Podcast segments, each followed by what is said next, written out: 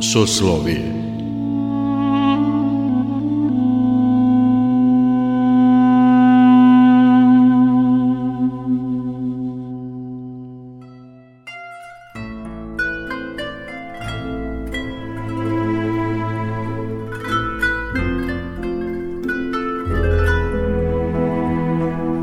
Slušate Soslovije, religijski nedeljnik Radio Novog Sada.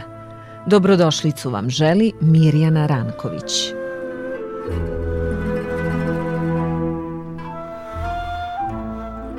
Večeras vam predstavljamo saborni hram Svetog Nikole u Vršcu.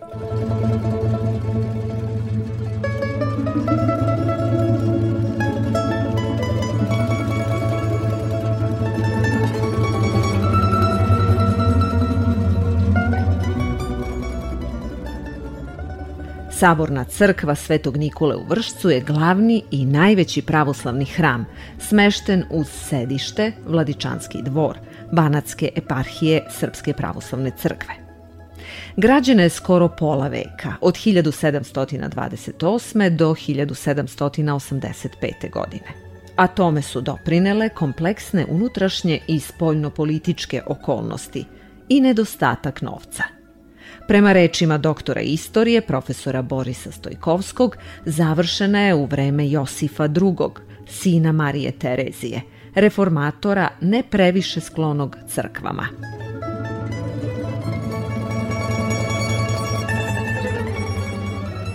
Kada uzmemo u obzir šta se dešavalo šta se sve dešava u zemlji i inostranstvu, da se tako izrazim, a to je tad Habsburgsko carstvo, šta se događa u jednom Beču, šta se događa u jednom Parizu i čega je savremenik, neko će reći mali neki vršac u Banatu, tamo u, u ćošku države, pa nije baš tako, on je i strateški važan grad, znate, Banat je vrlo bitan, tu je Tisa, tu je Dunav, po Bogu, to su, to su e, izuzetno važne saobraćajnice. U krajnjoj liniji Banat je od 1718. godine On je čak 20 godina duže bio po Turcima između Karlovačkog i Požarevačkog mira. 1718. se tek uspostavlja ta granica, danas se to često voli romantičarski reći, eto Sava i Dunav su granica, ne znam, e, nekakve orijentalne kulture i nekakve, jeli, e, srednjoevropske, to apsolutno nije tačno.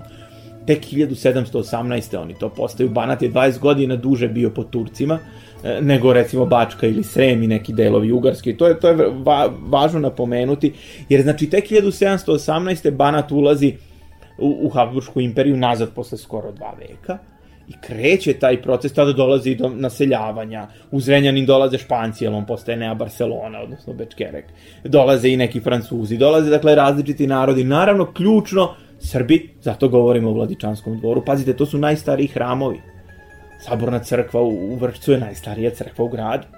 Imajmo to na umu. To je, paralele postoje, govorili smo o Novom Sadu. Najstarija Almaška i Saborna crkva. Dakle, starije su i od sinagogi i od rimokatoličkih e, župnih crkava. Isto se odnosi na Suboticu, isto se odnosi na neke druge gradove, pa tako i Vršac. Dakle, to su crkve oko kojih se formirao čitav jedan izuzetno važan sloj, upotrebit ću danas malo izrabljen izraz elita, ali u to vreme ta elita je bila i trgovačka, i sveštenička, i kulturna, duhovna u najširem smislu. Dakle, govorimo da ta vršačka saborna crkva pod sobom, kao majka crkva Banata, ima manastire koji su nastali u doba Brankovića, ima jedan Mesić, ima druge, zaista značajne, značajna manastirska zdanja, sve do, ne znam, manastira Svete Melanije, danas na ulazu u današnji Zrenjanin, odnosno Pečkerek, dakle, e, koji je opet važan zbog ruskih izbeglica. Pod Banatskom eparhijom i divna ruska crkva u samom gradu. U Beloj crkvi nalazi se predivna ruska crkva. Dakle, eparhija Banatska je u sebe inkorporirala mnogo tog nasleđa, da ne govorimo da je ta saborna crkva, eto, najmanje 80 godina od svog nastanka bila zadužena i za rumunsko stanovništvo. Što je isto jako, jako važno. E, kada se govori o tome, jer to je, dakle, jedna bila značajna integracija i nije slučajno vraćena, odnosno prebačena Banatska eparhija u Vršac i nije slučajno tu nastala eparhija, pa tu se vezuje, pominjali smo vladiku Teodora Nestorovića, Banatski ustanak 1594. Neki da tako malo romantičarski, malo istinito nazivaju prvi srpski ustanak. Sam vladika, tako po tradiciji žiti u njemu je koža odrana. Dakle, kada je uhvaćen kao odmaz da za taj ustanak su spaljivane mošti Svetog Save, je li ta tradicija da su oni nosili tu zastavu. Sve to vezano za vršac. I sve to vezano i zbog toga naravno da nastaje jedna tako ugledna mi bismo rekli građevina, ali ona je mnogo više od građevine. To je živi svedok skoro dva i po veka. Vrlo turbulentne istorije, ali i, i više. To je živi svedok više stoletnog postojanja Srba na prostoru Banata i pravoslavnih uopšte. Naravno, pravoslavlje kao takvo je i nadnacionalno u svakom kontekstu i ono vezuje i druge. To je bilo i grčki kaluđera, kažem, u 11. veku, kasnije će tu biti Naravno i danas u, u samom gradu Vršcu je i rumunska pravoslavna crkva koja je takođe kasnija, što je i prirodna rumunska pravoslavna crkva kao autokefalna institucija, značajno mlađa od srpske, ali eto danas i ona postoji i funkcioniše i postoji čak i, i e, eparhija Rumunske pravoslavne crkve koja deluje na tlu Banata i gde je takođe u Vršcu sedište. Dakle, imamo jedan važan susret dvaju pravoslavnih, realno bliskih naroda, Tako Rumuni imaju onu izreku da Rumunija ima samo dva prijatelja, Crno more i Srbiju. Vršac je lep svedok tako nečega. I pazite, iako je rimokatolička crkva u Vršcu posvećena Svetom Gelertu, koji je iz 11. veka, ona je kasnije, ona je na, Sveti Gelert žive u 11. veku, Nemci ovu crkvu podižu tek kasnije, tek nakon zapravo Srpske pravoslavne crkve. Ovo sve jako važno reći, upravo ne toliko o samoj crkvi, naravno govore stručni ljudi o njenoj arhitekturi, o freskama, ikonama, tu ima takođe divna kolekcija ikona iz polovine 18. veka. To, to su zaista visoka dostignuća srpskog, ali i vlaškog, odnosno rumunskog baroka, zato što je tu bilo i majstora koji su bili vlaškog porekla. Nemojmo i to zaboraviti, a čije su ikone i dan danas čuvaju neke celivajuće ikone potiču iz 19. veka. To je, to je zaista isto vrlo fascinantno kada se govori o Vršcu i o njegovoj sabornoj crkvi koja je to i dan danas prvoprestoni hram eparhije Banatske srpske pravoslavne crkve, ali i prvorazredni umetnički duhovni spomenik i svedok, ponavljam, više stolednog bivstovanja Srba, njegove ozbiljne velike tradicije koja se vezuje i za vladiku Teodora e, Nestorovića i za mnoge druge, da pomenuli smo i ove savremene Georgija Letića koji je važan svedok, mi smo vrlo se pompezno proslavljenih 100 godina prisedinjenja, Vladika Georgije Letić je bio živ svedok svega, pa i što se dešavalo tim prvim godinama nakon, a da ne govorimo, eto pomenuli smo Vladiku Visariona, a njegove naslednike oni su našli savremenici visoko prosvećeni mitropolitan Filohije ili sadašnji preosvećeni vladika Nikanor, dakle to su naši savremenici koji baštine više vekovnu tradiciju te saborne crkve, srpskog pravoslavnog prisustva na tlu Banata i zapravo koji su, svaki od njih se ugradio i dao novi kamen tom srpskom baroku, za koji se nadam da će da će ostati da se sačuva i, i restaurira stalno i da se o tome više vodi računa, uprko svemu onome što nam ne ide u prilog od demografije, koja je u Banatu posebno taj problem izražen, do, do ekonomije i mnogih drugih jer oni koji su podizali i taj saborni hram i taj vladičanski dvor bili su bogati, ugledni, obrazovani ljudi koji su uzimali najbolje od svih, ali ljubomorno rekao bih, čuvali svoj identitet i nisu ga davali tek tako lako. I mislim da je i to i glavna poruka ako gledamo jednu i drugu građevinu, ako uđemo i u jedno i u drugo, dakle, to je čuvanje identiteta, a opet naravno rado prihvatanje svega lepog i svega pozitivnog što je oko nas. Ako pratimo od poznog srednjeg veka, najveći broj uglednih Srba koji je dolazio u Ugarsku jeste bio u ugarskom feudalnom sistemu. Od despota Stefana možemo ga pratiti koji se ponašao kao klasičan ugarski baron – i koji je dobio posede jednako kao bilo koji plemić sve do ukidanja plemstva u austro Dakle, to se odnosi na despota Đurđa, to se odnosi na zmaja ognjenog Vuka koji je bio ratnik kralja Matije Korvina. Vrlo jednostavno i prosto mi smo ponosni na zmaja ognjenog Vuka, Brankovići su učinili mnogo, ali nemojmo zaboraviti da su mnogi od tih Srba bili najprostije rečeno ratnici. Zmaj ognjeni Vuk je ratovao i u Češkoj, i u Austriji, ratovao je zajedno sa Vladom Cepešom Drakulom su išli i na Bosnu protiv Turaka, dakle, ratnik. Brankovići takođe su imali svoje mesto u tom feudalnom sistemu. Jakšić i mnogi, mnogi drugi. Dakle, bez obzira što se radi o različitim epohama, mislim da je bitno imati na umu dakle, da je najveći broj Srba bio uklopljen u taj vojnički stalež. To se odnosi i na šajkaše, koji takođe postoje od kraja srednjeg veka i navode se već u 16. veku oni postoje. Dakle, oni su takođe važan segment, to potisje koje je vezano i za Banat i za Bačku gotovo jednako.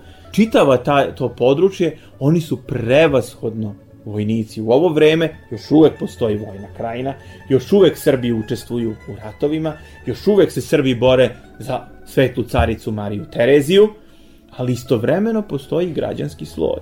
Nemojmo zaboraviti da se javljaju da su upravo Srbi otkupili Novi Sad kao slobodan kraljevski grad, da postoji srpski trgovački sloj.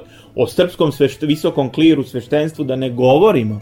Jedan mitropolit Stefan Stratimirović, nastaje Karlovačka gimnazija koja do duše nije još apsolutno srpska, na, nastao je na latinskom i nemačkom, ali postoji, jeli, vezuje se i ona Karlovačka bogoslovija. Dakle, ponavljam, to je vrlo više slojno pitanje, uz činjenicu da je to seosko, vojničko, stanovništvo dominantno, tu nema dileme. I to moram da kažem, ne trebamo da mislimo da je to neka specifikum, da su sad samo to Srbi, da i te kako je to bilo i u drugim, neko kaže, razvijenijim narodima. Srbi nisu nevažan narod za istoriju ovog prostora, dakle, nemojmo posmatrati da su sad to bili neki sve nepismeni seljaci koji su imali dvojicu pismenih ljudi. Ne, ne. Mnogo je komplikovanije i kompleksnije i složenija stvar kada se posmatra celokupan položaj Srba. Zato je i taj odnos prema Mariji Terezi, Josifu II, pa i prema ranijim vladarima od Matije Korvina, Žigmunda, Luksemburškog nadalje, daleko kompleksniji. Tu je istovremeno borba za stalno očuvanje privilegija, s jedne strane, s druge strane ugarski feudalni sistem, kao i svaki drugi feudalni sistem, on je nemilosrdan, i on teži svom očuvanju. To se odnosilo na bilo koji feudalni sistem u bilo kojoj državi. Nemojmo zaboraviti da kad je donošen Sretenski ustav, da između ostalog, zbog, da su sve velike sile ustale protiv tog Sretenskog ustava, prvog srpskog ustava, jer je previše liberalan. Uključujući i Rusiju. Jer su se svi plašili talasa tog liberalizma i tih uticaja koji bi se mogli širiti po Evropi. Dakle, e, isto se odnosi i na Srbe u ovo vreme kada nastaju i Vladičanski dvor i, i E, sama saborna crkva, episkopi su često bili najvažniji predstavnici, još uvek nema tako razvijenog građanskog staleža pred Bečkim dvorom, pred Peštanskom dijetom, dakle i Ugarski sabor i naravno što bi se reklo centrala u Beču, upravo su crkveni velikodostojnici bili predstavnici. Oni su najpre i videli tu lepotu i veličinu baroka i kao takvo je preneli u svoje rezidencije Sremske Karlovce, Novi Sad ili u ovom konkretnom našem slučaju Vršac. I to je isto važno, dakle, oni su taj prvi dodir. Pogledajte samo u muzeju Vojvodine kočije mitropolita Pavla Nenadovića, one su i dalje izložene. Ništa se one ne razlikuju nego kad gledamo slike Beča u to vreme, jer to je to. On je morao negde da vidi uticaj, video ga je tamo. Dakle, imamo tu elitu koja je, da ne govorim da je to vreme Dositeja Obradovića, ajde da budemo potpuno načisto. Kada na, počinje da se gradi saborna crkva u Prvo Dositej Obradović, Banaćanin, iz Čakova. Dakle, to nije daleko. On je taj koji, eto, kažu, doneo krompir i prosvetiteljstvo. To su sve, dakle, slika epohe, kao što je slika epohe činjenica da i dalje i te kako Srbi učestvuju u vojskama i da se bore za e, Austrijsku Habsburgsku imperiju, a za uzvrat žele svoje privilegije među kojima je veroispovedanje, bez daljnjeg najvažnija, ali nemojmo zaboraviti da oduvek a pogotovo kada govorimo o savremenoj Habsburgskoj monarhiji, odnosno novovekovnoj, od 17. i 18. vek jesu stalno vreme katolizacije, užurbane, pojačane. Nemojmo zaboraviti da je carica Marija Terezija bila bigotna rimokatolkinja, da je ona bila vrlo, vrlo pobožna, te da je i ona sama, to imamo, zato recimo se naseljavaju i grko-katolici na ovim prostore jer oni priznaju papu, zato jer meni koji dolaze su zapravo oni koji priznaju papu. Imamo, dakle, puno i to što smo pomenuli u Banat, pogotovo za njih zbog Španaca, Francuza i tako dalje, oni dolaze jer su rimokatolici. I to imajmo na umu da je, da je isto uvek bila jedna tendencija, što znači da ni u verskom smislu Srbi nisu bili ravnopravni. Odatle počinje i ta kopča sa protestantima, koji su još bili u, u, u gorem položaju od strane rimokatolika, nemojmo ni to zaboraviti. Odatle kreće i ta kopča sa Slovacima kasnije, bar onim protestantskim delom, bar ta veza sa i Srbi odlaze na protestantske liceje u Požun i, drugde. Dakle, to je između ostalog vezano i za tu stalnu boru protiv mađarizacije, protiv agresivnog e, prozelitskog delovanja rimokatoličke crkve, ali i protiv uklapanja Srba u feudalni sistem Ugarske, jer se Srbi uvek pozivaju na carske privilegije, prenebregavaju i prelaze preko toga da je to bio feudalni sistem Ugarske, što, što je recimo velika razlika u odnosu na srednji vek. U poznom srednjem veku srpski feudalci prihvataju i deo su ugarskog feudalnog sistema potpuno. To se odnosi na Brankovića, to se odnosi na despota Stefana, to se odnosi na despota Đurđa Brankovića, na Jakšića, Belmuževića, na koga god hoćete od, od tih svih velikana srpskog srednjeg veka. U krajnjoj liniji Krušedole podignu na posedu Jakšića, dakle na feudalnom posedu koji je ustupljen Brankovićima da se podigne manastir Krušedol. E, to je bitna razlika u odnosu na kasnije. Od 1690. Srbi gledaju ka Beču, držeći se svojih privilegija. Vreme se naravno menjalo i u tim turbulentnim vremenima 18. veka, ponavljam, po tim svim pritiscima, bogati Srbi uspevaju da izdejstvuju, da dobiju i takve, takva blaga kao što su Saborna crkva u Vršcu, kao što je Vladičanski dvor, dakle prave barokne zgrade toga doba srpskog stila i iskustva.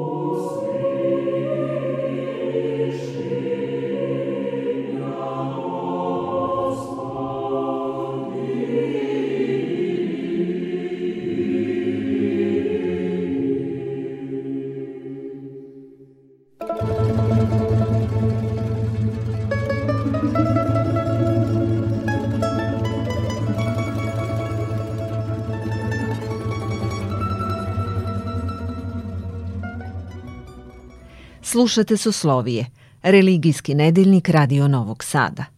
Večeras vam predstavljamo saborni hram Svetog Nikole u Vršcu. Istoričar umetnosti Dejan Radovanović iz Pokrajinskog zavoda za zaštitu spomenika kulture osvetlio nam je svu lepotu i dragocenosti Vršačkog sabornog hrama.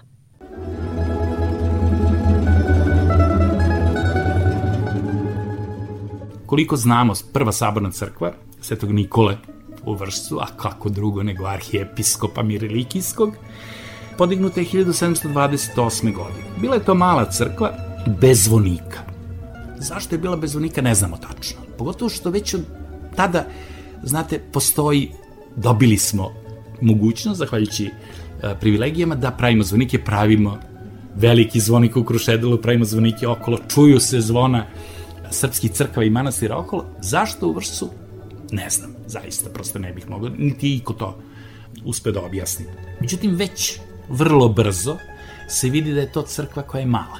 Već od 70. godina ovoga 18. veka počinje iskupljanje novca, organizovanje ne samo eparhije, ne može samo eparhija da se organizuje, da se organizuje verništvo, narod ceo, trgovci, preduzetnici, da se traži dozvola, mora da se traži dozvola za to, Mi smo tolerisani, čak malo maženi pomalo u carevini, ali nismo mi ti koji možemo kako hoćemo. I od 1770. i neke godine kreće to traženje, dobija se dozvola 1783. Sad nam to izgleda dugo, ali znate, kad pomislite da se za Vrdnik, za povećanje crkve manastira Vrdnika, više od 30 godina dovijalo, a znalo se jer je mnogo važan, zato što je Lazareve mošt i tako dalje, a setimo se da je plan već vrlo jasan da se tu dovede ova biskupija katolička i to im pokvari episkop Jovan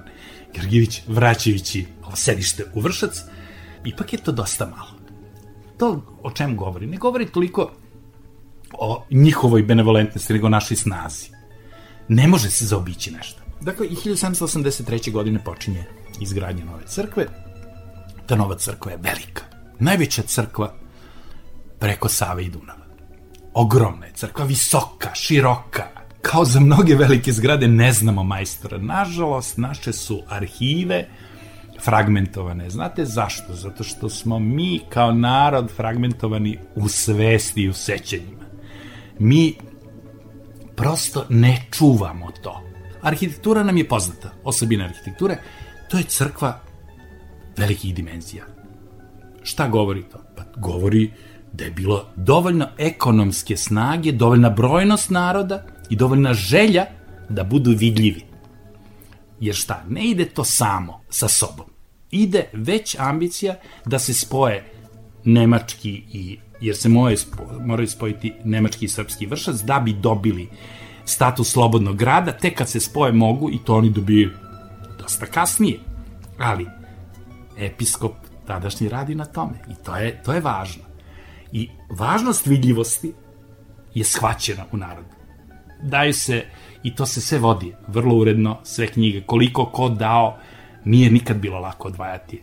Od usta to su vremena u kojima se teško živalo, u kojima se umiralo od kolere, od malarije, od kuge, od čuda, od, od života se umiralo. Važno je. Ogroman zvonik se pravi, visok. Sa njega se vidi ceo banač. Oj, lepo gledaš, kao da gledaš ovako, i sad kad se popneš, kao da gledaš vrh vršačkog brega, baš pred... I čarobno je, to, to stvarno savjetam kogod može da ode i da pogleda gore ovaj, vršac, da pogleda okolinu, da pogleda sveca tog zvonika. I tada je najveći, jedan od najeminentnijih umetnika, uopšte stvaralaca na polju umetnosti, Aksentije Marković, Doborezac i Vajar. To je prvi, inače, moja koleginica Branka Kulić, doktor Branka Kulić je doktorirala na tome. To je onako prva umetnička ličnost koja je onako velika. To pazite, primenjena umetnost, primenjena umetnosti se zovu artes minoris, kao one malo manje. E, Aksentij Marković biva duborezac. On duboreže taj divan ikonostas i ceo mobilijar crkve i onda se poziva Pavel Đurković, odličan slikar, vrlo temeljno školovan, odličan poznavac anatomije, izvanredan crtač. On tako vlada slikarskim zanatom. Pa pazite, njega biraju za tu programsku crkvu Vršačku i biraju ga za daljsku crkvu Svetog Dimitrija nešto kasnije. Pozivaju se za zidne slike, svodne u stvari slike, Simeon Jakšić, Popović i tako dalje. To je crkva koja svojim izgledom treba da pokaže opet tu snagu vere i snagu volje da se bude veliki i značajan, da se bude i da, da budeš ubeležen u molitvu, ali i u istoriji. Radi se ta čudesna, prosto, celina i to je jedan, zamislite to u svetlosti sveća, pa kad to zlato titra, to zlato se ne stavlja na duborez zbog toga što je zlato, jeste ono skupo, ali ono svetluca. Zašto? Zašto su to biljne? Pa zato što to predstavlja rajski vrt. Dakle, raj sam. Od čega može biti mogu biti biljke, te fantastični, ta cela priča u raju. Pa samo od svetlosti same, od sunca. Pa to je zlato. Ne troši se njima zlato zato što je lepo šljašti, nego zato što ono mora da, da bude to. Da se rajska svetlost, Božija milost predstavi time. I odlično je predstavi. Sad zamislite kad ti treje to sveće i osjećavate divne likove, lepe, nema torture I nema uopšte u srpskoj pravoslavnoj umetnosti ne postoji tortura, ne postoji muka. Vi znate da je i raspeće praznik. Kako se zove smrt Bogorodice? Uspenje. Za, usnula, ali se i uspela. Dakle, i to je ta priča. To Pavel Đurković radi savršeno. I to je onako toliko nežno, toliko suptilno, da prosto mora da vas ponese. Nije tu samo to, tu imate Neškovićevih ikona, Celiveći, dakle to su one prazniče koje se celivaju, koje se izbliza vide, veliki Nešković koji je radio kapelu u Vladičanskom dvoru, koji je radio veliki broj portreta, odličnih, dakle iz 18. veka, ovo je sad već početak 19. veka, to je neka 806 do 808. ako se dobro sećam, ili 807. slikanje i nešto malo kasnije iz idno slikarstva. I ta crkva je velika, dobra, solidna. Međutim, ta crkva je nekako krajem 19. veka, početkom 20. ona je sad sa dvorom koji se premodeluje, a tu je odmah preko puta, a s njim je u celini u potpuno neposrednoj vezi, ima dve neorenesansne zgrade iz 1895. školske zgrade, koje su opet strašno važne, zato što je to konfesionalna nacionalna škola koja srpsku decu školuje da budu ljudi značajni, da budu egal sa željom da budu i nešto više, e, ona sad mora nešto da dobije. Jer ona mora da bude centralna. Ne može. Ovo je sad novo. I onda kreće dobarokizacija sa nekim čak elementima secesije. Nije ona tako jasna i tako, e, kako da kažem, tako korenita kao promena izgleda dvora, ali dovoljno, dovoljno značajna, dovoljno vidljiva, da se vidi da je to odjednom, op, novi fokus, novi akcenat. Zašto? Pa, ne smeju biti u disparitetu. Ne smeju da odskoče jedno od druge. One su jedna promisa, jedna misao, jedna želja, jedna ambicija. Zato je Vršačka crkva tako važna zajedno sa dvorom. I zato nema njih jedno bez drugog, kao što nema bez ovih škola. I ono što je, ono što je tu prosto meni strašno značajno, ja sam u nekom važnom periodu svog života se susreo sa Vrsem kao jedan od autora te studije Vrsa u groznoj onoj godini hiperinflacije. To je potpuno budilo nadu shvatanje značaja. Jer ja sam pre toga video Vršac, ali nisam ušao tako u to kao što u tim nekim smutnim vremenima hiperinflacije, kada ne znate šta vam koliko vredi, kada su sve vrednosti na koje smo navikli poremećene, odjednom vidite nešto što, boga mi, ne treperi, nego blješti vrednošću, ali vrednošću nekom koja ne može, nema inflaciju, nema ona zakone tržišta. Uzmi, otmi, ne. Ona je tu.